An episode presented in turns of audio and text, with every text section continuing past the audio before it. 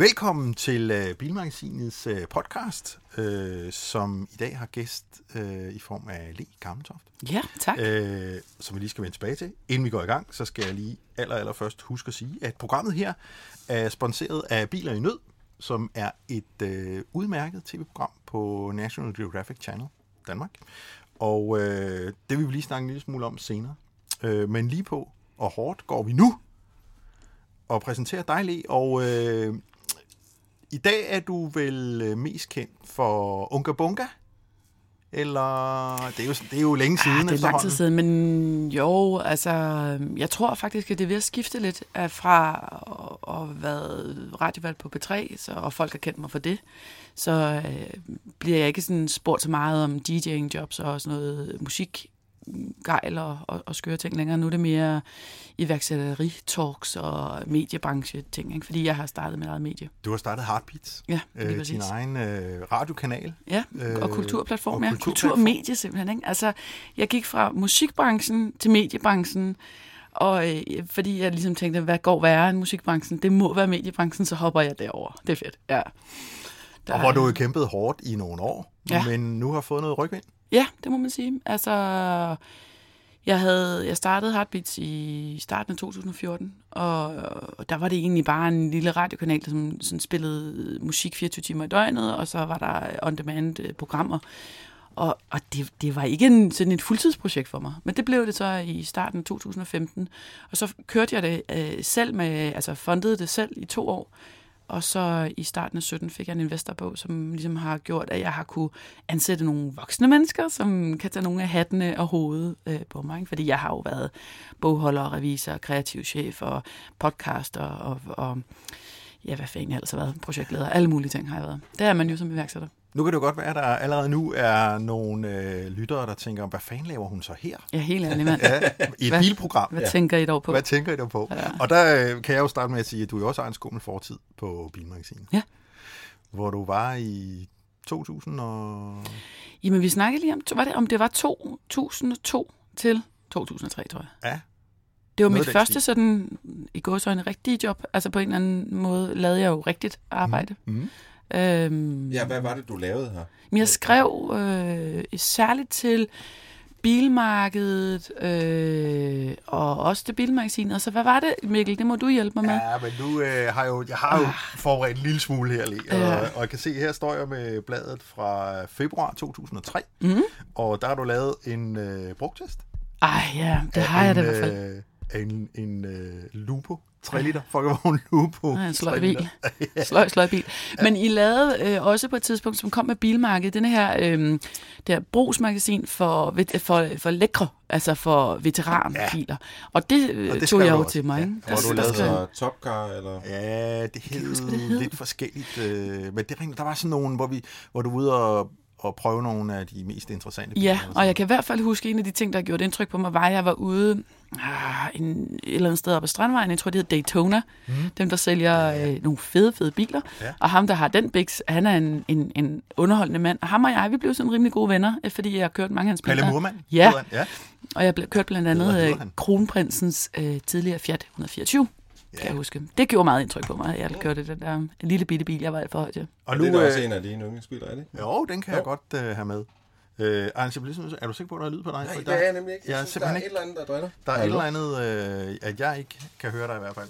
Nå, men mens uh, Anders han lige rådet med det, og, fordi så har jeg jo fundet et andet blad her, som måske også siger noget andet om øh, din interesse for biler. Mm. Det er bladet fra, øh, hvornår bliver det her? Det bliver februar 2003. Og der har vi det her spørgsmål på øh, indholdsfortegnelsen, der siger, hvad er dit nytårsforsæt for det kommende år? Og så siger Le, jeg lover ikke at snakke så meget om min BJ42.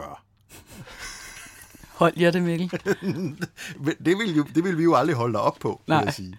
Det er rigtigt. Jeg, jeg kan faktisk huske, at da jeg arbejdede her, der havde jeg en... Øh, det var min første BR42, jeg havde, da jeg arbejdede her. Som, som er en Toyota, Toyota Land Cruiser. Land Cruiser ja. Det er den der med de... Det ligner sådan en rutebil med runde bagruder. Og jeg kan huske, at I, da jeg fandt ud af, at man kunne tage taget af, så, så besluttede jeg mig for at gøre det. Og de der skruer var ligesom skruet fast og rustet fast, så jeg tog en vinkelsliber og skar lortet af. Og øh, ja, det ved jeg ikke. Det gjorde i hvert fald, at jeg havde en præsending over min bil i mange dage i løbet af året, fordi det regnede. Ikke? Ja, det kan vi huske, at vi kunne høre, når du kom. Øh, Ja. Ikke fordi vi kunne høre bilen, men vi kunne høre det blafrede. Ja. jeg elskede den bil. Og jeg vil sige, at jeg er jo altså en har et meget, meget stort hjerte for firehjulstrækker, og har haft to BR42 og to Defender, øh, og vil virkelig gerne stadigvæk køre firehjulstrækker, skråstreg SUV, hvis jeg synes, jeg kunne forsvare det. Mm. Altså, og både økonomisk i forhold til mit kørselsbehov, men også for klimaets skyld. Ikke? Ja. Så der er sådan, det er, ja. Anders, han rumsterer lidt med... ja, det er så fint. det- Jeg kan godt, øh, Det er din egen mikrofon, du Er rumsterer der ved at være hul igen? der sker et eller andet, men øh, den er ikke gør så... ikke det? Nej, jeg ved sgu ikke. Jeg tror også, den... Øh, Du den er tændt, i Der er der tændt. Ja, Godt. det er mere bare spørgsmål Altså, om du, det. øh, jeg tror, du Jeg er helt med. Ja. Jeg taler bare højere. Og, øh, og, og nu ser du BO42, mm. og det er jo blevet altså, kult siden Ja, det var det sgu da, det var også jeg dengang. kørte. Ja. altså, jeg endte en gang øh, som, altså jeg endte jo simpelthen som formand for BR42-klubben. Ikke? Gjorde du det? Ja, fordi jeg havde, jeg sad ude på Amager, kan jeg huske, til et møde, øh, foreningsmøde, og så havde jeg havde tømmermænd, og jeg kan huske, at jeg havde en tebirke, så en kakaomælk med. Og så klapper folk lige pludselig. Jeg havde bare sagt ja, ja til et eller andet, og så havde de ligesom stemt mig ind som formand, fordi jeg havde, det var overhovedet ikke op for mig. Så det endte jeg med at være. Jeg gjorde ikke noget som helst som formand, andet end at jeg ligesom bare godt kunne lide bilerne. Ikke? Men altså mødtes i en BJ-klub? Ja, eller hvordan? vi hedder BR-klubben. Ja, BR42-klubben. Okay. Og det var nogle super fede folk. Altså, det samme med, med hele der, sådan også, det er jo forfærdeligt at gå fra Toyota Land Cruiser til, til Defender, ikke? til Land Rover. Det er jo mm-hmm. forbudt, Ja. ja. må man ikke.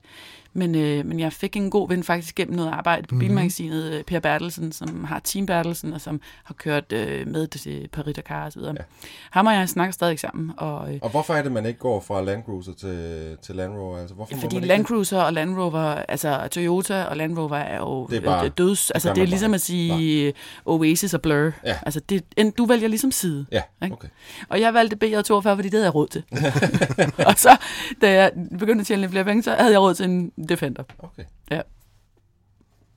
Men når jeg sagde det med BR42, så er det jo også fordi, altså, hvis, hvis du nu rent faktisk ville have et fint eksemplar, sådan en i dag, så er det jo... Ja, jeg vil sige, Ja. i dag så er det da dyrere at gå ind i en BJ42, ja, end det er at gå ind i en. Land Rover Det tror Defender. jeg Ja, det er det. Jeg, ser, jeg har set, men jeg havde den første, jeg havde, den holdt jeg ikke original. Den blev ligesom maltrakteret rimelig hæftigt. Øh, hvad hedder den anden, jeg, øh, jeg kørte den, der var blevet sat en HJ et eller andet 60 motor i, eller sådan noget. Ja. Ja. Kæmpe dæk og alt muligt. Den var simpelthen så fed, men de var ligesom ingen af dem holdt originalt, og det kan jeg jo se på dem derude nu, at dem, der står rigtig flot, som helt sikkert også går til rigtig mange penge, at de jo, altså, de er jo respekteret fuldt ud, og det er ja. gamle, de gamle fælge, og det er alt er bare Helt står som det skal. Ikke? Man bliver så glad, når man ser dem. Altså nu sagde du en Jeg skal køre HJ det dårligt, altså. 60 motor. Ja. Jeg er ikke engang helt med på, hvad, hvad, hvad er det? Ja, men altså, det var, en, var det en Hilux motor, Ja, ja, sådan noget, de puttede i? Ja, Ja, ja, Okay, ja. sejt. Tænk, jeg stadig kan huske det. Ja, det er sgu meget godt. Jeg kan huske, at jeg skiftede udstødning på den der første BR42. Det var forbløffende nemt. Altså, du Okay, kan så du har aldrig... skruet på dem selv også? Ja. Cool. Det husker jeg jo. Så udover det med vinkelskriveren, så kan jeg Ja. huske, at du da også sådan i... Øh, Hvis jeg havde haft et værksted og ligesom haft mulighed for... Og ja, på det tidspunkt ville jeg gerne have været... Altså, nu laver jeg Ja. citationstegn i Ja. luften. Det er altid dårligt at gøre i radioen. Ja. Men, men øh, jeg kan huske, at jeg snakkede med Per Bertelsen om, at jeg gerne egentlig ville i sådan en mekanikerlære hos ham, for Okay. jeg ville helt vildt gerne lære noget mere. Jeg synes, det er så åndssvagt at have de der gamle biler, bare for at aflevere den til en mekaniker. Præcis. Så bliver det jo dyrt, ikke? Jo. Men nej, ja, ja, det fik jeg ikke lige gjort, ligesom så mange andre ting. Men så blev du øh, god til noget andet, med noget med noget musik. Åh, oh, ja. Nej, men det skal jo siges, at øh, efter du var på Bilmagasin, så kom du jo videre på vores øh, dame, unge dameblad dengang. Og, Ja. ja. Jeg Og- gik simpelthen fra bilmagasinet til Woman. ja. Og, og vi var jo, altså, du er jo stadigvæk den eneste kvinde, der nogensinde har været ansat, i hvert fald som skriver på Bilmagasinet. Vi Ja, har haft, fordi øh, du har haft en AD også, har ikke? haft en, øh, en layouter, ja. Ja. ja. Øh, Ja, men ellers det er- er, jeg elskede det, jeg kan huske, altså, vi havde mange, der var mange ting, jeg vil sige, det var også helt klart, altså det var jo et mandemagasin, og der var også nogle idéer, som jeg kom med, som, som nogle af de unge fyre skyndte sig at tage. Altså sådan, hops, den snupper vi, og så øh, lever vi den ud, og så kan le, øh, læse korrektur, hvilket jeg er ustyrligt dårlig til, så det var en dårlig plan. Men jeg fik lov til at tage øh, til Paris Dakar, Ja. fordi der blev bygget den her Det var en Volvo. Volvo. Ej, men, og, det så, og jeg kører jo freaking Volvo nu, og jeg er virkelig glad for det mærke, men dengang var det, det var det vildeste projekt, man. Ja. De havde taget en V90'er, og så har de puttet en helt ny undervogn og portalaksler og helt dynen på den, og nu skulle den ned og køre i sand i ørkenen. Og den, jeg kom til Afrika, jeg, kom, jeg kan huske, jeg landede i Cairo, og så var danskerne udgået, før de ja. kom til Afrika. altså, jeg skulle have fulgt dem dernede en uge. Det var bare så dumt. Men så mødte jeg øh, den danske motorcyklist Mark Dullum, som faktisk var den mm. første dansker til at gennemføre. Og han var vildt pressesky, og ingen havde nogensinde talt med ham. Og ham blev jeg ven med dernede, og havde sådan nogle vildt lange, fede samtaler med ham. Og han gennemførte med brækket ribben, ja, og hvad ved jeg. Han var flere gange med efterfølgende, ikke? Det gjorde han. Ja. Og det var vildt altså, at se en ting af de der bilister, og dem, der kørte, og huske, Jutta Kleinschmidt var min helt store, det var min helt store idé. Mm. Hun er så sådan en rigtig tysk Volkswagen-dyr der, kører. Ja. men, øh, men motorcyklisterne, det er sådan noget med, de altså, ligger og sover på asfalten på liggeunderlag i frostgrader i ørkenen, og når kun lige at sove tre timer med brækkede lemmer, og så ud i ørkenen igen. Det er ekstrem sport på et niveau, ja. man slet ikke forstår det Ja, der. det er det altså. Ej, hvor er det vildt. Altså, det her, jeg, ja, du ser det jo hver Altså, jeg ser, jeg føler det meget nøje, og jeg, og jeg har også øh, fulgt det en enkelt gang, og, og øh, havde den, jeg har den her yndlingshistorie, som jeg ikke kan lade være med at fortælle hver gang, men og, at jeg stod ude øh, på sådan en, ude midt i en sandørken, det var så over i Rusland, så det var ikke Dakar, men et andet rally raid, og så kommer der en, en motorcyklist kørende stille hen til mig, og, og stopper, og, og så siger han, I think I have broke my foot, what should I do? Og der står vi ligesom tre journalister der midt ude i ingenting, og ved jo ikke rigtigt, Nej. og siger til manden... Øh, Ej, lad være med piv, siger du vel? I, I think you must go on. Okay, siger manden, og sætter den i gear og kører videre med sin brække. Ej, men det er, det, altså det er helt vildt.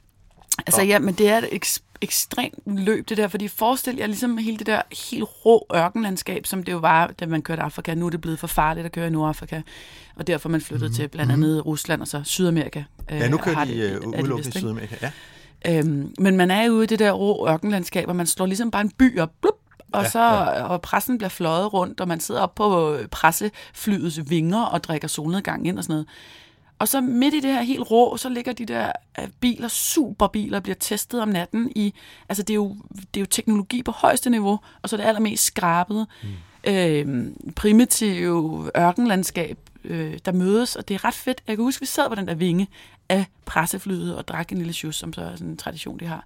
Og ud af et eller andet lægetelt kommer der en ud med et røntgenbillede og sådan holder det op mod solen og kigger og går ind igen og sådan, altså jeg skal ikke brække noget hernede, men, men det er ret imponerende, og det, det er fedt, at det fortsætter. Ja. Altså det, øhm, og så det skal man jo huske, at det man øh, ser i fjernsynet, ikke, det er jo den pæne del af det, fordi ja. efter det, så kommer jo alle øh, privatisterne, eller dem, der har bare købt adgang for 130.000, tror jeg, det koster at være med i det kar, ja. ikke, som selv skal pakke og selv ja. skal få motorcyklen klar til næste dag og rulle ja. sin kort og mm. læse øh, og alt det der. Og det var jo sådan, Mark var Mark Gudum, ja. han gjorde sin motorcykel, han gjorde alt selv. Okay. Han fortalte, det vil jeg så også lige afrunde og sige, altså var af, der er jo meget held med i de der ting, men jeg kan huske, Mark han fortalte, at han havde holdt, ligesom, han havde kørt ud i, i ørkenen, og, øh, og han kunne se, at brændstofmåleren, den, den dalede for hurtigt, altså øh, til at det gik, gav mening. Og så fik han noget brændstof for en af sine konkurrenter. Man hjælper ligesom hinanden derude, og så fik han hældt noget ekstra på. Og det samme sker, så den falder, den der brændstofmåler. Han kan ikke, der er et eller andet, han stopper og kigger, så kan han se, at der eller en filter, der er faldet af, og det løber. Der mangler en skrue. Og så tænker han, okay, det er det. Ikke? Altså, jo. så er man ligesom mm. done mm. ud i ørkenen. Og så har man sådan en, en SOS-knap, man kan trykke på, og så skal, bliver man hentet, og så er man ud. Mm. Og så står han der og summer over det, og så kigger han ned på, en, på den der fodstøtte, der er på højre side af motorcyklen, og så tænker han, altså, hvad er det? Og der ligger der en skrue. så var faldet. Så var faldet. Så skruede han den på og festnede og fik gjort klar, og han havde brændstof nok og kørte i mål. Det er sgu sejt. Det er helt Det er for vildt. Altså, det er for vildt. Ja. I en ørken, kommer on, ja, ja. en skrue. Ja. Ej, men, det, men det er jo bare, altså når man ser Formel 1 og alting, og det er så vildt, og de kører, de skændes og sådan noget, det er jo bare, altså... Det, det er, er ligesom ikke helt det samme. Det er ikke så, rigtig motorsport, nej, når man nej, har set sådan en rally raid, vil jeg lov at sige. Formel 1, siger du Mikkel. Ja. Øh, Formel 1 til København? uh... Altså, jeg vil... Ja, vi kunne godt tænke os at se det ske. Ja. Kunne I det? Ja, ja. det kunne være fedt. Er I københavner? Nej. Ja. Nej. jo, altså... Er du? du er nej, men jeg synes bare, det er en... Et, jeg, jeg, jeg forstår godt, du står og trækker lidt på det, Læg. Jamen, du det bor fordi, jeg elsker... Nej, nej, men jeg elsker Formel 1. Men hvad er det, København står for? Vi står for ja, cykling rigtigt. og grøn omstilling og hav og vand og... Altså, altså en, det, det er en moderne by på den måde. Det der, det er jo så bagudskuende på en eller anden måde, sådan kapitalistisk på den lidt dumme måde. Nu er jeg jo superliberal. Men, men man altså, kan sige, med Formel E følger jo også Formel eller med Formel 1 følger jo også Formel E, som jo er de her elbils øh, racerløb, ikke? Ja. Så de burde skal jo også Det er jo, køre så er det samtidig. bare så Ja, efter så er det pesten lidt- kom koleraen eller lidt hvad. mere, ja. øh? Jeg ved det, jeg, jeg har lige snakket med en af vores kulturpolitikere omkring det, og øhm, altså, det er ved at være vedtaget. Jeg, jeg synes, det er lidt skørt. Det må jeg altså sige. Jeg synes jo, det vil være skægt, men skæg, er skæg nok til at forsvare det? Det ved jeg ikke. Men jeg, jeg, jeg, kan godt... Alt, Ja, alt, hvad du står og siger nu, det er jo rigtigt. Nej, men alt, hvad du siger, du, det, det er der slet ingen tvivl om. Det er Ej. fuldstændig rigtigt, hvis man analyserer det der ud fra en... Og det er jo egentlig også meget påfaldende, synes jeg, at Formel 1-organisationen er meget interesseret i at komme til København. Og det måske i virkeligheden lugter lidt af, at Formel 1 gerne vil have den lidt mere grønnere profil, som måske er noget af det, København står for. Så på den måde Men har kan de ret. det? Det ved jeg ikke, om de kan, men, men, men det er klart, altså som bilmand, så kan man jo ikke Ja, andet end sige, du- det er kraftigt fedt. Altså. Ja, men, men det var også min første indskydelse, fordi jeg, jeg elskede Formel 1, og jeg kan huske faktisk til Bilmagasinets interne Formel 1-konkurrence. Mm. Jeg tror faktisk, det var forladet Benjamin. Der blev jeg nummer to Yes. på en sæson, fordi yes. jeg så det. Jeg stod op hver morgen og glodede på det der. Ja, ja. Jeg, jeg kan ikke huske, hvad nogen hedder længere, men dengang, dengang, Ja. ja. da jeg kunne huske noget som helst, hvor- Dengang man skulle lave sådan en Formel 1-team, eller det kan Ja, man ja, stadigvæk i præcis. øvrigt. Ja, ja. så lavede vi det internt Ja. ja. på forladet her. Det var Det er. Men øhm, lyden er jo fed, men jeg tænker bare, det går ikke så godt med cykling. Så nu Nej. Det er meget, vi er Det stolte af ikke det. rigtig sammen, vel? Men, øh, Anyway, det så fik jeg være- også udlagt det, det kunne for være fedt. Nej, men Så det er, jeg synes, det er meget, jeg, det. jeg, jeg synes, du har fuldstændig ret, for jeg kan, jeg kan sagtens se problemerne i det, men, ja. Men det er klart, at det vil jo være, det er jo den vildeste sportsgren inden for motorsport, ja. Ja. ikke? Altså, og det, man skal jo være et skarn, hvis man som interesseret siger nej tak til det, men jeg kan godt se problemet, og jeg hører selv til dem, der banner over cykelløbene i byerne, der hvor jeg kommer Men det giver endda mening. Jamen, det gør Ja, Altså, det er jo os selv, der vi cykler, og Ja, ja. folk er ligesom med til det her. Sådan noget. Okay, vi har Kevin Magnus, men altså, ja. Anyway. Nå. Ja. Vi, øh, Anywho. Anywho. Anywho, det, så, det var noget med en masse firehjulstræk, men hvad skete der så med din bil? Og så var der en periode, hvor du ikke har nogen bil, kan jeg huske, og så fik du bil igen, og hvad, hvordan er det gået?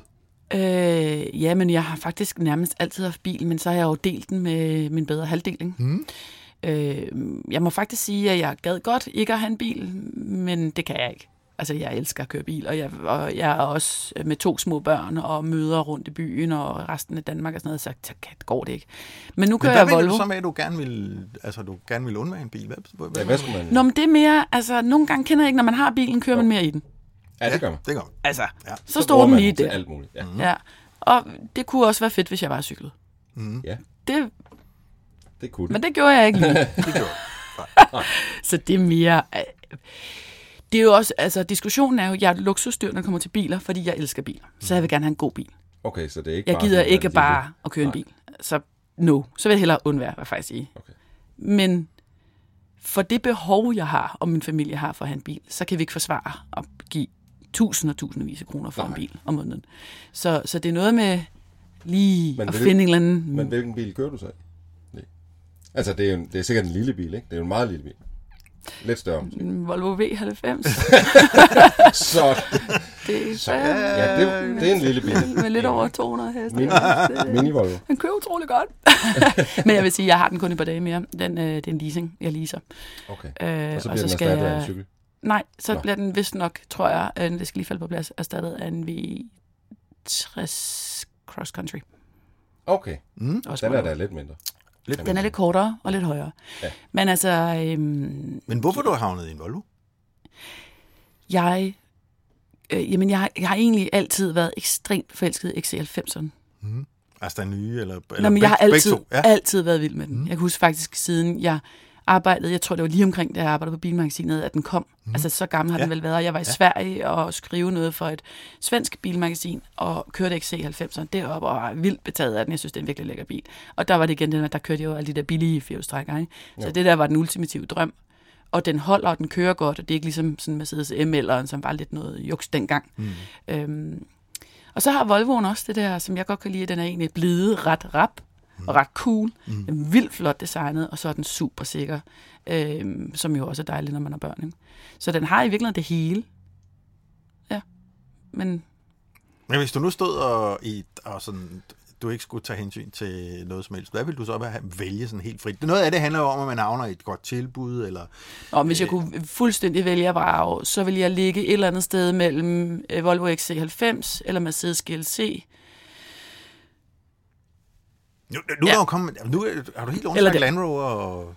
Åh, oh, jamen, jeg er, blevet, jeg er så irriteret på Land Rover. Men Hvorfor? altså, jamen, fordi Defenderen udgik, ikke? Altså, Ja. og, og, er og, så, og så har jeg det også nogle gange, så synes jeg også, at når øh, folk markedsfører sig for dårligt, så bliver jeg irriteret. Men det er også fordi, det er mit arbejde. Okay. Altså, øh, der skal være noget troværdighed i det, man gør som brand. Ellers så holder det ikke. Så du skal ikke give en eller anden tosse, der er pisse ligeglad med dit brand, en bil, og så sige, så skal du markedsføre den. Altså, der skal være en sammenhæng, og jeg synes ikke helt, at de har spillet, øh, de har ikke helt tænkt sig om. Men øhm, Men du kunne ikke overveje en af de her sidste varianter af Defenderen, eller hvordan? nej, Nej. nej. Altså, nej, men jeg, jo, så skulle det være nummer to bil, men det er ikke Ja. det, vi diskuterer nu, Nej, tror jeg. nej, nej, nej, det er Altså, nummer... fordi så kunne jeg også godt tænke mig en ene- hjælper Ja, og sådan noget. Altså, øh, jeg kunne godt tænke mig mange biler. Jeg vil også gerne have Ja. en gammel Mercedes, sådan, eller, altså noget sjovt.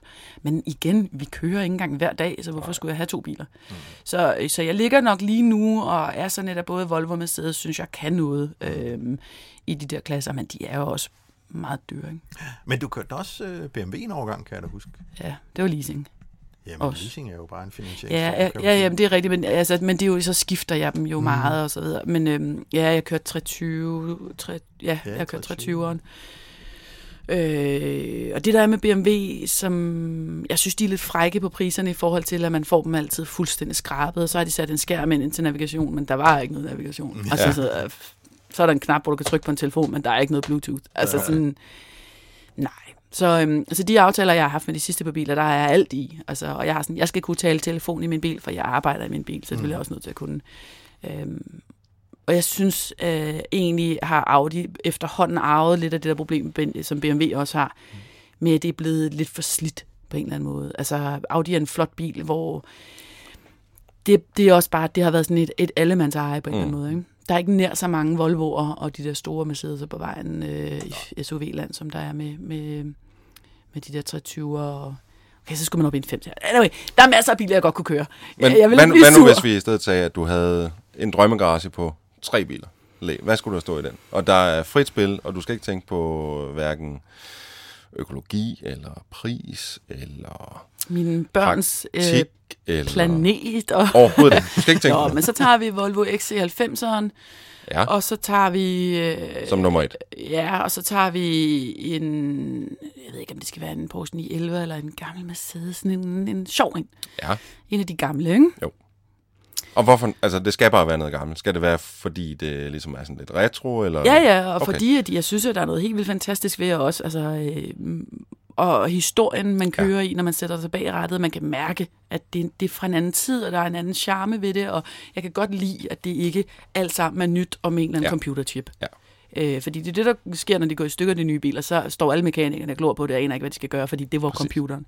Og der kan jeg godt lide det med at hey, hente noget gaffatape, og så klister vi noget fast ned i motoren, og så kører det igen. Mm. Fedt. Øh, og så er de, de er smukke, og man bliver... Men jeg tror også, at man et eller andet, der, jeg tror, det er derfor, der er mange, der kører de der biler i Danmark også, at man prøver sådan at forlænge fornemmelsen af, at det, så var det sgu også lidt sommer, ikke? Og så havde mm. jeg den ude af sommergaragen, selvom det snede og sådan noget. Og så, ah, mm, motorcykel, det skal jeg ikke have længere, når jeg har to små børn. Um, hvad skulle min tredje bil være? Må man tykke på det? Ja, det Ja, du må godt tykke på det. Så vi har indtil videre har vi en XC90. Ja. Og noget, Ja. var det noget Porsche 911, eller var det noget klassisk Mercedes? Sådan en SL Mercedes-agtig ting. Ja, de er smukke. Mm-hmm. Ja, Og altså noget åbent. mere, ja, Altså sådan lidt Bobby Ewing-stilen. Fuck ja, Dallas. Ja. ja, men altså 911 er der heller ikke noget vejen med. Så tænker jeg, om, at man skulle have... det kan du sige til ham. Ja, ja. ja. du er 911 Ja, mand. så er han i- Ja. Og så tænker jeg, at jeg godt kunne tænke mig sådan en, øh, en lille, sådan en lille hverdagsbil, en Mercedes A-klasse eller sådan noget. Men tror du så i virkeligheden, det er den, du ville bruge hver dag? Ej, jeg vil sidde den XC90, så jeg vil bo i den, mand. Jeg vil bare slå telt op og bare ligge der. Dealen er, at jeg er for høj til de der små biler, og det er derfor, jeg hele tiden gerne vil SUV'erne. At når jeg slæver rundt på mine børn, altså min yngste er halvanden, og jeg ligger nede i de der autosæder med de unger, jeg bliver sindssyg, mand. Mm. Øh, jeg vil gerne sætte dem ind eller op, ikke ned. Og jeg elsker store biler. Altså, jeg er jo også en høj pige. Jeg synes, det er fedt at ligesom arrivere i en kæmpe slæde. Ikke? Ja, det er meget primitivt, Det men det kan jeg virkelig godt lide. men, men jeg har det jo sådan, altså jeg elsker biler, jeg elsker biler, vi kører hele tiden nye biler, jeg Mhm. har selv øh, flere biler, men øh, hvis nu jeg skulle ind til dig, og I har kontor inde i Kødbyen, ikke også? Nej, jeg er faktisk på Amager. Vi har radiostudie i Kødbyen, og så Nå. har vi kontor på Amager. Okay, og vi står lige nu på Frederiksberg, ikke? Ja. Og så vil jeg jo sige, at det nemmeste, jeg kunne gøre, Det var tage metroen, ja. Enten at tage metro. Jamen, det ville det være. Og, og, og, eller at tage en af de her små delbiler, som, som holder ude på gaden. Ja, prøv lige at høre. Det, har, det gør jeg en gang imellem, og jeg bliver sindssyg over det. Altså, den står ikke nede foran min dør, når jeg har brug for den. Her forleden, der havde vi, vi havde et eller andet computer shit på den der bil, der var gået i stykker. Og så kører jeg de der øh, elbiler Drive Now, eller noget. Og øh, skal til banken fra Amager til Gamle Kongevej til et møde med banken. Jeg kommer ud, og det var der, hvor, hvor der var sibirisk kulde i Danmark. Mm, det, ja. det kan vi jo tale om i de næste Ja, det 20 kan vi år. Det var helt vildt. Det var- ja, ligesom orkanen, kan I huske den? Ja. Øh, og så parkerer jeg lige sådan ved Gamle Kongevej ved en sidegade ved banken, går ind og holder min møde, der tager tre kvarter, kommer ud og vil ligesom klikke den. Altså, den vil jeg gerne. Så var den er altså reserveret fra nogle din andre. mobiltelefon. Ja. ja. Og så var den reserveret af en anden. Og den næste bil, der ligesom holdt, den holdt kvarter væk på gåben. Mhm. Så kunne jeg lige så godt være gået hjem. Ikke? Ja. Men så, og så, mm, ja, det er jo inconvenient. Ja. Og, Det- det, og det er det modsatte af hensigt med det, ikke? At det skal Jo, det synes jeg. Altså, øhm, vi har brugt det som, da vi kørte bil rigtig meget. Der brugte vi de der car to go som vores anden bil. Mm. Og det fungerede fint at have den som en anden bil, og have den valgmulighed, det kan jeg godt Ja. ja. lide. Men at have den som det eneste, når man har små børn og møder hele byen, det, Nej, det, det det fungerede bare ikke for mig. Altså. Jeg er egentlig ret stor fortaler for det, må jeg sige. Men Altså, der skal bare være rigtig mange af dem, før det, det, fungerer det, rigtig det er godt. nemlig det. Og jeg Det var hvor- der, de der car to go, de holdt freaking overalt. Det var, for, Jamen, der var er ingen, der ikke brugte stadigvæk? Eller er det Ej, de BB'erne, gik eller er det... Det var, det var smarterne, som, Smarterne, øh, ja. som øh, er stoppede de væk? hvad- Ja, det var jo, jeg, som jeg... Og nu tror jeg faktisk, de er gået sammen. Det er jo muligt. Car to go og Drive Now er gået sammen. er fint. så man kunne håbe, at der kommer endnu flere Ja, biler på, på øh, nede i Tyskland. Ja, altså Ja. ja. fabrikkerne. Ja, Ja. ja, det er vist rigtigt. Øh, jeg tror, at problemet var, at øh, det jo ikke var elbiler, men benzinbiler, Ja, ja, og så ville kommunen Ja. ikke give dem gratis øh, Parkeringspladser, og så blev det for dyrt, og så Ja. ja. lukkede de. Men det er også genialt, jeg vil så sige, at jeg havde virkelig stress. Jeg skulle ud og hen, altså det er jo ikke stress på den måde, når man har prøvet at stresse, og det her Mm. noget pjat, men jeg kørte en af de der elbiler. Jeg skulle til Ørestad og hente mit barn fra en lejeaftale, og der var 5% tilbage på den der. Og, og jeg kender ikke Ørestad, og hvor helvede kan jeg bytte den bil, og hvor kan jeg lade den op, og Ja. hvad skal jeg gøre? Jeg skal hente de der unger, mand! Altså Ja. det var sådan Og må helt... man stille den derude, eller er man kommet uden for zonen? Og, ja, Ja. ja.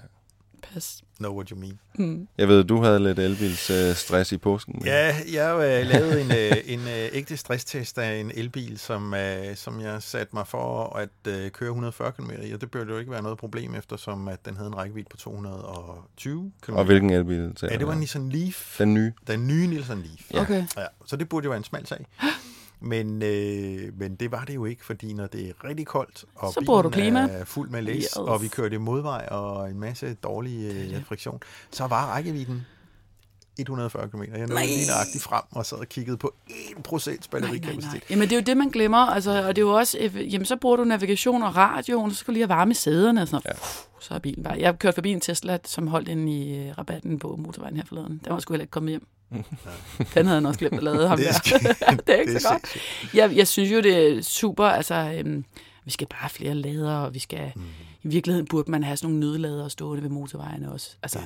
at man tænker lidt længere, i stedet for, at man tænker, øh, jamen så en tankstation, så burde vi en lader op. Altså, Og det, er jo det næste smart. problem, altså det her oplevede jeg jo så også øh, her i, i påsken, hvor jeg kørte elbil, ikke? Altså, så sidder jeg og holder øje med, Mm. øh, hvor der er nogle lader, jeg kan benytte mig af, og, og planlægger ligesom min tur efter det, ikke? Men når man så kommer frem, så holder der nogen, der lader, og, og det er jo ikke som med Teslaerne, hvor de Nej. sidder i bilen og venter på, at den skal blive færdig med at lade. Hvis det er nogle af de mindre biler, som holder ved en offentlig lader, så sætter man jo bilen til at lade, så holder de der og så Ja. holder de der. til i morgen. Til Ja. i morgen, øh, for eksempel i øh, Rønne Lufthavn, kan jeg afsløre, der er øh, fem stander, og der holdt fem biler, øh, som alle sammen var færdige med at lade, men, Men du kunne ikke... men jeg kunne jo ikke få Nej. stikkene ud. Nej. Men altså, er vi ikke ude over problemet om 10, 10 års tid? Er det ikke bare, ah, måske lidt længere frem, så er det alle sammen førerløse biler, der bare ligger i cirkler og samler os op. Så behøver vi ikke Jeg tror parkeringspladser. ikke, de førerløse er helt så langt frem på det tidspunkt, men der vil være mange elbiler, det tror jeg nu ret i, og der vil, være, der vil, der vil vi få en helt anden forhold til de der elbiler, mm. fordi det, du og jeg står og snakker om her, det er jo bare sådan nogle ting, Ja, det som man indretter, indretter sig efter, når man Mm. har haft den i 14 dage i bund og grund. Ikke? Jo, og så hvis man tænker logistikken mere mm. ind i byplanlægning og så videre, så, Ja, så får man så løst problemet. Ikke? Nemmere Ja. ja. adgang til. Altså jeg er der, hvor jeg godt kunne, og det er også derfor, jeg siger, at Mercedes GLC er en fed bil, fordi den er hybrid. Mm. Altså en SUV som er hybrid, det, that makes sense. Det kunne jeg godt se mig selv i, hvis jeg havde haft råd. Ja, sådan en, der kører 35 km på en opladning, og så... Jamen, jeg vil også Det vil sige, jeg jo kunne, det vil jeg jo Ja, kunne leve på inde i Altså, byen. man kan sige, at hybriderne begynder at fungere godt, ikke? Ja. for der kan Ja. du komme sådan til og fra arbejde Ja. på batteriet og, Og så og når du skal til Aarhus på arbejde, så Så starter du Ja. benzinmotoren. Ikke? det vil kunne fungere ret godt i vores hverdag Ja. med det der hente og bringe børnene Ja. på kontoret. Og, Mm. Men jeg tror også, det vil, det vil kunne fungere for rigtig mange danskere. Ikke? Ja. Altså, Men man skal bare huske, at, at for det første så skal du huske at lade, og det er jo lidt bøvlet. Ja, og jeg kan også godt se rundt, sådan, hvor jeg bor, der er flere af de der, men de holder jo ikke at lade. Altså sådan Nej. i Golf GT'er. De står jo bare på en normal plads, ja. og de får aldrig noget strøm. Men må, må man i en hybrid godt bruge elpladserne? Øh, ja, du må det må godt du bruge elpladserne. Det er ikke så meget det, de gør, men det er mere bare det, man ser dem holde uden for elpladserne. Jamen, så de lader jo det ikke. giver så jo ingen ikke- mening. Der Nej, nej. er 6 millioner frie elpladser ja. i København, og ingen parkeringspladser Nej, til nej, almindelige biler. Så jeg vil Nej. købe en hybrid, bare for at være sikret en Ja, parkeringsplads. ja, ja. Nu ved jeg, at min drømmebil er en GLC. Ja. Men det, altså, det skal man jo, og det skal man bare vide, det skal man, hvis, man, hvis du gør det der, så kan mm. du jo køre på el hele Ja. tiden. Jeg havde for nylig en øh, XC60, øh, den nye model, men med T8, T8, ja. den der har cirka 35 km. Ikke? Og, og, og jeg satte mig for at køre den på ren el, og det kunne jeg godt sådan i hverdagen. Ja. Øh, men det er sgu lidt bøvlet, det der med at lade. Alene det er bare at komme hjem, og det regner, og man så skal hen og tage stikket. Men kan du overhovedet lade derhjemme ordentligt? Altså hjemme hos dig? Ja, ja, det kan jeg så Kan du ordentligt. Ja. Nå, men altså, jeg tænker mere det der med, at jeg havde en Tesla på et tidspunkt, så satte jeg den til at lade derhjemme, ikke? Og så stod der jo 48 timer senere, kunne jeg komme ud og hente den Ja, øh, men 100% det, oplag. der, når det kun er til 35 km, så bliver Okay. den ladet op i løbet af 5-6 timer Okay. selv bare med... Men mit problem er jo bare, altså det, jeg har jo ikke noget problem, der er jo ellader. Jeg bor i by, altså Ja. ja. jeg bor på Amager, men det er jo i byen. Ja. Ja. Altså, så der er jo lader overalt hos os, og lige ved siden af mit kontor er der otte lader, eller sådan, som aldrig Ja. ja. bliver brugt. Øh, så det vil være nemt for mig i virkeligheden. Og der, må jeg, så, der kørte jeg jo øh, faktisk der i tre dage næsten 60 km på literen.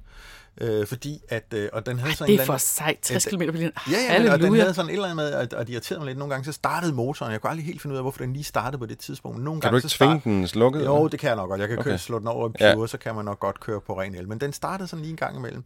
Øh, men så havde jeg jo så til gengæld en lang tur til Bornholm? Eller? Nej, Jylland. Anyways, men så er vi jo nede på 10 km på literen, ikke? Ja. Fordi så skal Ja. ja. den jo slæve på batterier. Det er jo det, der og ligesom er problemet. Er Og, ja, ja. Til gengæld er den hurtig. Ja, Men det er det kommer alt sammen, ikke? De ja. knokler jo. Altså, hvad er det, Mercedes er i gang med at bygge en, en øh, batterifabrik, ikke? så de kan ja. Ja, det er de lave deres de elbil, der- der kommer her til efteråret. Ja. Øhm, det er ja. fint. Det må ikke, at det kommer til at batte lidt, når de der lidt dyre mærker også virkelig går ind i kampen for el. Jo, men jeg tror også, der altså, når vi får elbiler, der har rækkevidde, ligesom Tesla har i dag, ikke, så Mhm. tror jeg, vi kommer til at se noget helt andet. Og når Porsche kommer med den nye Mission E, og Volkswagen kommer med hele deres setup af elbiler, ikke, så tror jeg nok, der skal Mhm. ske Der noget. skal nok ske noget. Det, det Ja. som jeg tror er udfordringen, det er jo det der superbatteri, der kan sende en mini til månen og tilbage Mm. mm. igen på en opladning. Det har jeg hørt om hver det eneste år, al den tid, jeg har været motorjournalist ja. i, i over 20 år. Det kommer ikke. Og jeg tror også, når man spørger Mercedes eller dem, altså kommer det, så er det ikke det. Det er ikke den Nej. fabrik, de laver. Den fabrik, de laver, det er lithium-ion-batterier, som vi kender dem fra mobiltelefonerne. Ikke? Men jeg vil også sige, Men det, er... der sker noget på, det er jo ladning. Altså, at man kan Ja. lade hurtigere og hurtigere, Ja. og, og man skal have nogle flere ladepunkter, og det bliver mere bekvemt at få strøm på. Hvis man kan lade på nogenlunde samme tid, som man lige kan gå på toilettet, hente en kop kaffe Mm. mm. og købe en rulle slik, så er man jo med. Det er så, jo, Ja. ja. så er man ved at være der. ja, ja. Og det, det kommer tættere og tættere på i Ja. hvert fald. Ja. Lige, øh, nu, du, nu står vi jo her og laver en podcast. Mm. Og det gør du jo hver dag, eller hvad?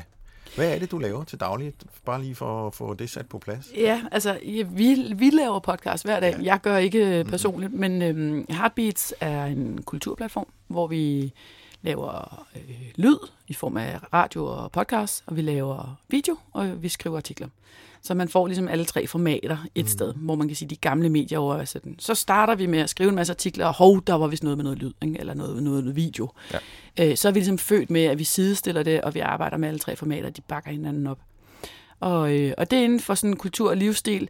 Så jeg plejer at sige, hvis man som moderne menneske jo godt kan lide biler eller musik, jamen, så går man måske også op i mode, eller sin private økonomi, eller øh, ledelse, eller altså alt det der, der ligger og summer rundt i vores hoved, både når vi på arbejde har fri, det kan også være børneopdragelse og skolevalg, og alt det. Vi laver ikke sådan politik, politik, men vi kan godt lave politisk stof, hvis der er et sådan kulturgreb på, og det skal handle om dig og mig og mm. os, og det skal handle om vores liv, og det skal mm. have en eller anden indflydelse på, hvordan vores hverdag hænger sammen. Så er det stof, der, der ligesom Og jeg har også haft et, øh, et bilprogram, ikke? Med Jo, vi har Christian Grau, har jo- ja. Som vi også har haft her med her. Ja. Mm.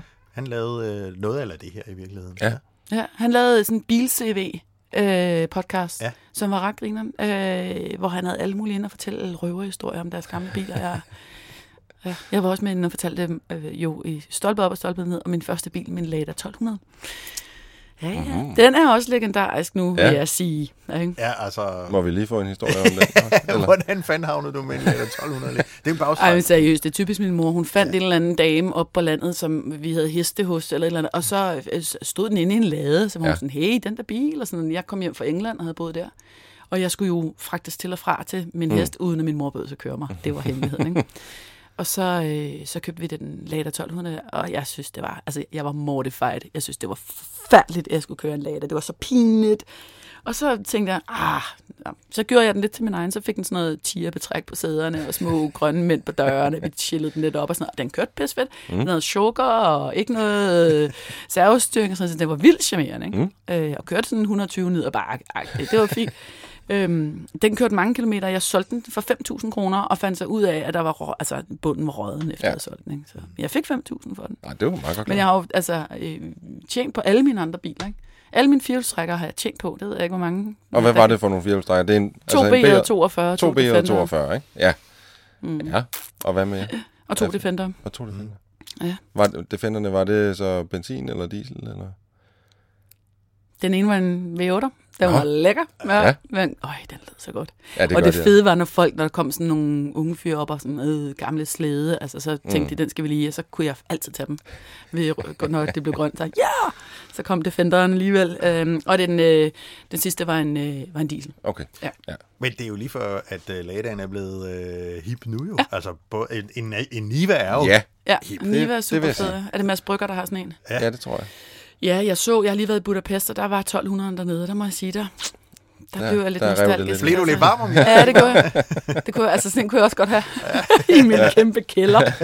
Med biler. Alle mulige weird cars. Jeg har også haft en Suzuki Samurai, det var en lortbil, det må jeg simpelthen sige. En Suzuki Samurai. Det er den der helt lille. Ja. Den synes jeg den faktisk er skulle ret du, cool. altså, der skulle du løbe med den ned ad bakken, okay. for at få den op på 110. Den var Ja, okay. virkelig sløj. Ja. Øh, men den havde jeg da boet i England. Jeg synes, det var en firehjulstrækker. Jeg tror, jeg sagde til min mor, jeg ønskede mig sådan en firehjulstrækker. Ja. Men, men var det ikke sådan en Bertelsen-brødrene kørte i, når de kørte? Var det ikke sådan en lille Suzuki også? Jo, men det de jo med Suzuki'erne, Swift, eller uh, Samuraien og... Øhm, Jimny'en. Ja, Jimny, ja. Ja. tak. De er så lette, når de kører offroad, så kan de løfte dem. Når de løfter dem ud af hullerne. Ja, eller over sten eller sådan noget. Ja, Ja, de ja, kan simpelthen, når de kører de der trebilshold, Ja, ja. så kan de løfte en andens bil over, og de hvor er, fedt. fordi de ikke vejer en skid, de skide hamrende gode til offroad, fordi mm. du ikke kommer ned og sidder, ikke? Ja. Så jo, de har været meget store Suzuki-fans, øh, og kalder Range Rover, blev kaldt de jo bare for dunken. De synes, det var sådan en skød bil, altså. og fordi jeg synes, at den var fed, så sagde han, du skal ikke have sådan en dunk der. Okay, skal fandme heller ikke have en Suzuki. Nå, vi er lige nået til øh, det her lille punkt, der, hvor vi går ind og tillader os at tale lidt om dem, vi er sponsoreret af, som mm. i dag er øh, Car Rescue, eller Car Rescue SOS, det hedder Biler i Nød på dansk med et tv-program på mm. National Geographic Channel, som lige er startet igen. Det er jo et gammelt program, som har eksisteret i, i hvert fald i fem sæsoner, tror jeg, hvor, og det er jo sådan lidt et, øh, det er sådan et, et program, der rummer lidt af det hele.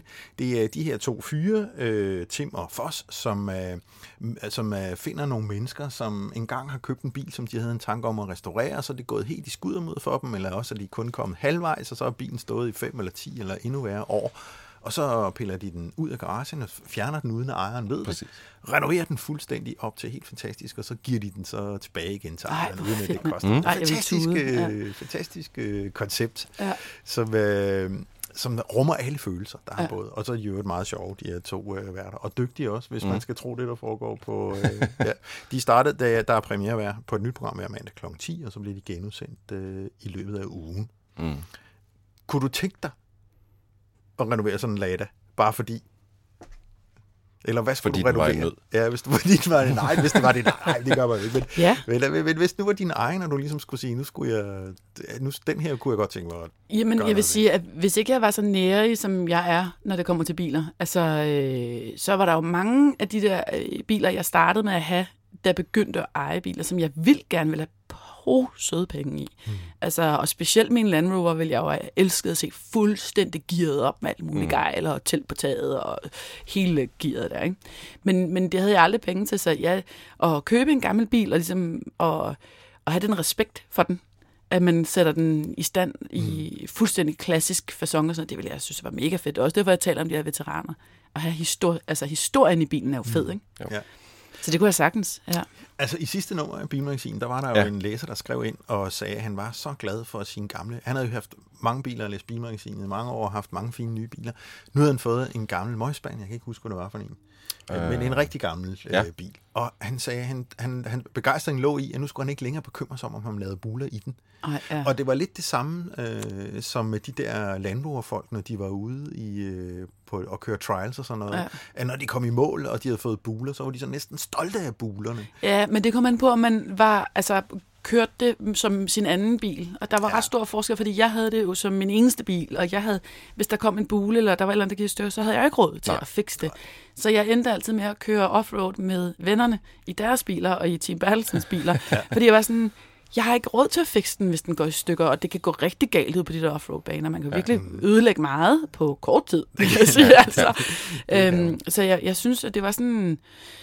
Det er både over, ja, det, man kan være vildt glad for det. Altså, men med nye biler, så er man jo også... Det tog mig... Jeg havde ved øh, Volvo V90'eren der i en uge, eller sådan noget, så var der en eller anden idiot på kontoret, der nøglet den hele vejen ned siden. Ikke?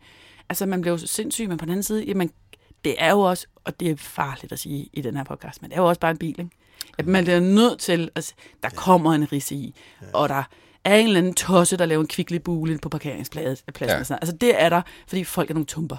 Ja. Så Ja, der, og det er, man kan i hvert fald hurtigt blive stresset, hvis man hele tiden skal bekymre sig om... Øh, jeg blev godt nok vred over, den er nøglet hele vejen ned siden. Jeg havde, altså, den var også- helt ny. Stod, den er så pæn, den bil, ikke? Ja. Nej, en tosse. Ja. Men øh, så bliver jeg mere sådan, tænker at man har behov for det. Jeg er ikke helt sikker på, hvad fanden der går igennem folks hoveder, altså. Mm. Det er helt vildt. Tænk, at man finder glæde ved det. Min dejlige bil. Nå, okay. svømme må jeg hen her. det, er, ja, Ja. det er jo altid, det er jo ikke til. Men jeg synes, at der er også noget, altså, og det er jo også, nu snakkede vi lidt om det der med, at man har også haft nogle forestillinger om nogle ting, man gerne ville. Min forestilling om selv at kunne istandsætte, altså den romantiske idé har jeg jo stadigvæk, mm. men jeg har jo ikke to Nej. Timer eller to minutter ledigt, hvor jeg kunne gøre det. Men hvor ville det være fedt, hvis man havde en garage og bare kunne gå og nulle lidt af pusten og sådan noget. Jeg synes jo også, det er hyggeligt at støvsuge en bil. Altså. Mm. Mine ja. børn bliver så lykkelige, når vi skal vaske bil, fordi så kan de, altså, ikke med hænderne, men i maskinen. Ja, ja. Nå, det er Øh, men det er hyggeligt, ja, det er det. Mm. Og det, jeg synes også, at det er rart at, sådan, at være lidt praktisk. Ja, og det tror jeg, hvis man har meget i hovedet, så er det enormt afstressende, ligesom at slå græs. Det er det bedste, der findes. Ikke? Fordi Altså, så jeg vil sige, der nogen, findes ikke noget bedre, end at tage en tur i garagen. Og Nej. nu deler Mikkel og jeg jo garage, så, så Og hvis man er gift, så er det endnu bedre. Det kunne jeg forestille mig. Og så skal jeg være ærlig at sige, at Anders kommer noget mere i det. Jeg kommer så lidt mere, gør. ja. Fordi du går jo faktisk op og... Ja, det gør jeg. Ja. Jamen, jeg har også lige Hvad, købt hvad stand sætter du? Jamen, øh, jeg har faktisk øh, købt en Porsche mere, som jeg fandt her, mens jeg lå syg. Jeg har lige fået fjernet mandler, og på dag to, da jeg lå og havde smerter, ringede min far og spurgte, øh, om jeg ikke kunne komme til Aarhus og kigge på en øh, Porsche 944 Turbo. Øh, sådan lidt spøjs, sådan lidt 80'er, I lidt know. frisør Porsche. Ja. Jeg har haft en kæreste, der havde en engang. Okay, Ja. jeg kan nu sige, Er det ikke med vip-op-lygterne? det er lige præcis Ja. med klapperoplygter. Øhm, men det, der var det specielle ved den her, det var, at det var en enejers, og det var en dansk forny, øh, og den var rød, og den havde sort indtræk, og det kunne jeg virkelig godt tænke mig. Og den har kørt 100.000. Det lyder meget sådan tilbage til fremtiden, -agtigt. Det er det også. Det er sådan lidt DeLorean-agtigt, ikke? Øhm, men jeg tog til Aarhus og havde helt vildt ondt og kiggede på den her bil, og så købte vi den. Og nu står den nede i garagen og, og hygger sig. Og jeg kan ikke rigtig lige endnu helt finde ud af, hvad det var, jeg Hvorfor købte den for. Nej. altså, jeg, jeg, har- jeg, har- jeg har pusset den ret længe nu, og jeg har støvsuget den et par gange, og øhm, ja, nu ved jeg sgu ikke lige. Fordi... Fordi, skal den også ud og køre, måske? ja, det kan den godt. Den skal bare lige have skiftet en tandrem, som jeg lige skal have skiftet. Men jeg Og, tænker, og det er hvorfor- nogle af de, de der projekter, der ligesom begynder at jeg skriver op på, på en liste nu. Men den liste er jo... Altså, Den liste bliver længere og længere, ja. Jeg forestiller mig. ja. Ja, fordi nu, du Anders fortæller om bilen, jeg tænker, og sender et billede af den, og den Ja, er ja. rød, og den Super. ser super flot ud. Ja, super. Øh, Fra tre meter Og der må man bare sige, man skal ikke købe biler ud fra, hvad man ser på billeder. Man Ej. skal, Nej, det, jeg Ej, var for også oppe og kigge på den. Ja, ja, ja, ja. Men jeg, jeg, tænkte, jeg tænkte, hold da op, den er da Ja, helt uh, fantastisk. det siger og så alle, der tog jeg den. op, og så må jeg bare sige, at Ja, den, den der var er jo rød i mange nuancer. Det, der er Nå, et der par blev- nuancer af rød, ja. Ja. Blevet plettet, plet, Der er pletmalet blevet, lidt. der er blevet pletmalet i... Altså, min bedre halvdel vil jo virkelig gerne, virkelig, virkelig gerne have øh, en Porsche 911 eller ja. Ja. eller andet. Og ja, det må han jo så købe for sine egne penge, hvis han har lyst til det. Ikke? Øh, det er, han- og det tror jeg bare, man glemmer lidt, men når man ja. kigger på de biler, at et, du skal have et sted at holde den, ja, Ja, og have den det skal stående i ja. vinterhalvåret. Du skal ligesom sætte et relativt stort budget af til at ja. Ja. få den i vedligeholdt ja. Ja. og i standsat. Og altså en parkeringsplads i København, og halløj, det mm-hmm. løber bare der opad. Ja, det godt. Og så kan du køre i den to solskinsdage, hvor du ikke lige havde børn, ikke? Altså ja. så... øh, Ej, jeg er sikker, der kommer praktikeren. Jamen det er det, fordi Jeg det tror havde ikke, jeg slet, eller jeg, jeg havde ikke tænkt tanken så langt andet, end jeg synes bare, bilen var vildt flot, og ja. jeg synes, historikken var helt vildt sjov, og jeg synes, det der med at kunne, øh, altså det jeg så gjorde efter at have købt den, det var at ringe op til ejeren, som havde købt den for ny, og jeg kunne ligesom få, for første gang nogensinde, jeg købte en bil, kunne jeg få historien helt fra dag et. Ja, det altså, sejt. hvorfor var den rød? Hvorfor var den det? Hvorfor har den det? det, Men sådan det? nogle historier kan jeg også huske, vi havde i bilmagasinet, hvor vi kørte rundt og fandt de der Ja, endejersbiler. Ja. Ja. Jeg var i Jylland og snakkede med nogen øh, om deres ja, biler. og sådan noget der er bare skide sjovt. Ja, og det, det kan jeg slet sjovt. ikke... Øh, alene det var ligesom nok. Ja. Så nu står den i garagen. Ja, altså, jeg, jeg, jeg vil hellere køre i den. Jeg, Ja, det vil... Du Jeg vil hellere skruer- køre i den, end at have den stående i garagen. Ja, Jeg skruer ikke, øh, jeg skruer meget lidt selv, og polerer Ja. for den sags skyld også meget lidt selv. Jeg vasker ja. den gerne, og også ja. gerne i hånden, hvis det er det, der skal Jamen, jeg kan godt lide det der med at skrue lidt selv, mm. og sådan noget, og få, få fikset nogle af de der små ting. Men jeg vil også øh, give folk ret i, at det tager bare lang tid. Ja. Og man skal lige have den der tid. Og, og det der med, at man går jo ikke i garagen lige for 20 minutter. Øh, altså, du er der for nogle timer, ikke? Eller en hel søndag, eller sådan noget. Mm. Og hvornår, altså, det er jo ikke lige så tit, man lige har den tid. Nej. Men nu prøver Men jeg at så- få sat noget tid af Så prøv næste lige at vinter, forestille dig, at, øh, at øh, du ikke er oppe i garagen Ja. øh, i 14 dage, og så kommer du derop, og så er den væk. Er bilen væk? Ja, Hvorfor men så kommer... Fordi men, du har taget den? nej, men, nej, nej, men så tænker jeg, så kommer den rullende ned, Ja. øh, ned i rampen, som der er en rampe ned i garagen, Ja. Og er fuldstændig renoveret. Jamen, det, det vil, jeg vil begynde at tude. Vil du det? Ja, det vil. Det gør de ja, altså Jeg vil bare også. tude. Det gør de også. hvis, man havde sådan et, hvis, man, hvis man havde sådan et projekt stående, mm. så er det jo også en daily reminder om, at man ikke har haft At man ikke har formået det. Ja, ja, og man ikke har haft ressourcerne til det, og det var ens drøm, der ikke gik i opfyldelse. Så det er jo sådan en... en man bliver lige sådan nivet lidt i armen hver dag over, at det var min drøm, og det, det, fun- det kunne jeg bare ikke, det magtede jeg ikke. Så jeg kan da godt forstå, at man bliver vanvittig, vanvittig lykkelig. Altså, og det er, jo, man, det er jo frygteligt for de mennesker, som har nogle kæmpe drømme. Og nu siger, en bil er jo en materialistisk ting, men der er jo rigtig mange mennesker, som drømmer om alt muligt, hvor de ikke formår det, og ikke magter det, hvor det ikke lykkes for dem. Og det er jo, at sluge de der kameler er jo benhårde, altså. Og så er det næsten, der, i, det, der i, i biler nød, der er det næsten altid nogle folk, som er blevet syge på en eller anden måde, og Mm. dermed blevet forhindret i at komme videre, Ja. ja. sådan overført betydning i deres ja. liv, ikke? Og så Ja. bliver bilen ligesom symbolet på det. Nå, Ja. det er en... øh, en øh, Det lyder som et godt koncept. Det, Jeg ringer, hvis jeg køber en gammel øh, skåret bil og bliver syg. Ja. Men øhm, de har jo det faktisk været i Danmark. Ja, de har lavet en Øh, Amazoning. Ja, ja, i Danmark, ja. Nå, fint. Ja. Ja. Amazon. Ja, ja, men jeg kan bare se, at det der, øh, jeg kan virkelig godt lide at, at ringe til nogen og sige, at bilen virker ikke. Henter I den? Ja, Ja, det kunne Det kan jeg jeg også. altså øh, godt lide, det må jeg sige. Ja. Og vi kørte hjem fra, vi skulle til Valåsen og, øh, og stå på ski en, en søndag og køre afsted, og så er der en eller anden computer dut, der er gået i bilen, og øh, det betyder, at klimaanlægget virker. På vej hjem fra Valåsen, der sad vi sådan med servietter på forruden, vi var ikke se Mm. noget, der var fuldstændig dukket til, ikke?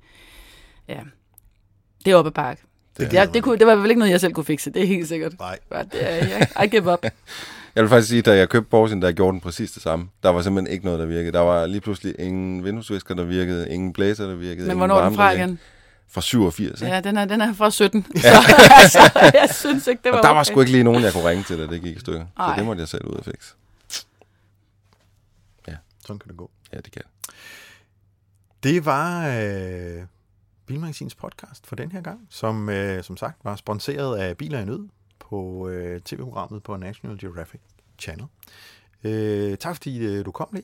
Det var så hyggeligt. Tak fordi jeg måtte. Det var fantastisk hyggeligt, og det var godt at se dig igen. Og det er fedt at få lov til at nørde biler, ikke? Ja. Jeg kan huske faktisk, da jeg arbejdede på, for, for dig, Mikkel, på Bilmagasinet, så sagde min storebror til mig engang, hvis du nogensinde vil gøre dig forhåbning om at få en fast kæreste, så skal du snakke meget mindre om biler. og han synes, at det, det var alt for skræmmende for de fleste mænd. ja. Om det lykkedes jo. Jeg- jeg talte heller ikke så måske, meget. Han, jeg Ja. ved ikke, om han havde ret, men du har i hvert fald fået en fast kæreste. Ja. Og flere børn. ja. Ja. Anders Richter, chef, eller redaktionschef for Bilmagasinet og, Bilmagasin, ja. og Mikkel Thoms her fra Bilmagasinet. Og Le Gammeltoft, som er, hvad er din titel, egentlig? Hvad er du? Iværksætter? De er iværksætter og direktør, ikke? Ja, Ja, fra først og fremmest Heartbeats. Ja. Tak fordi du kom, og tak for den gang.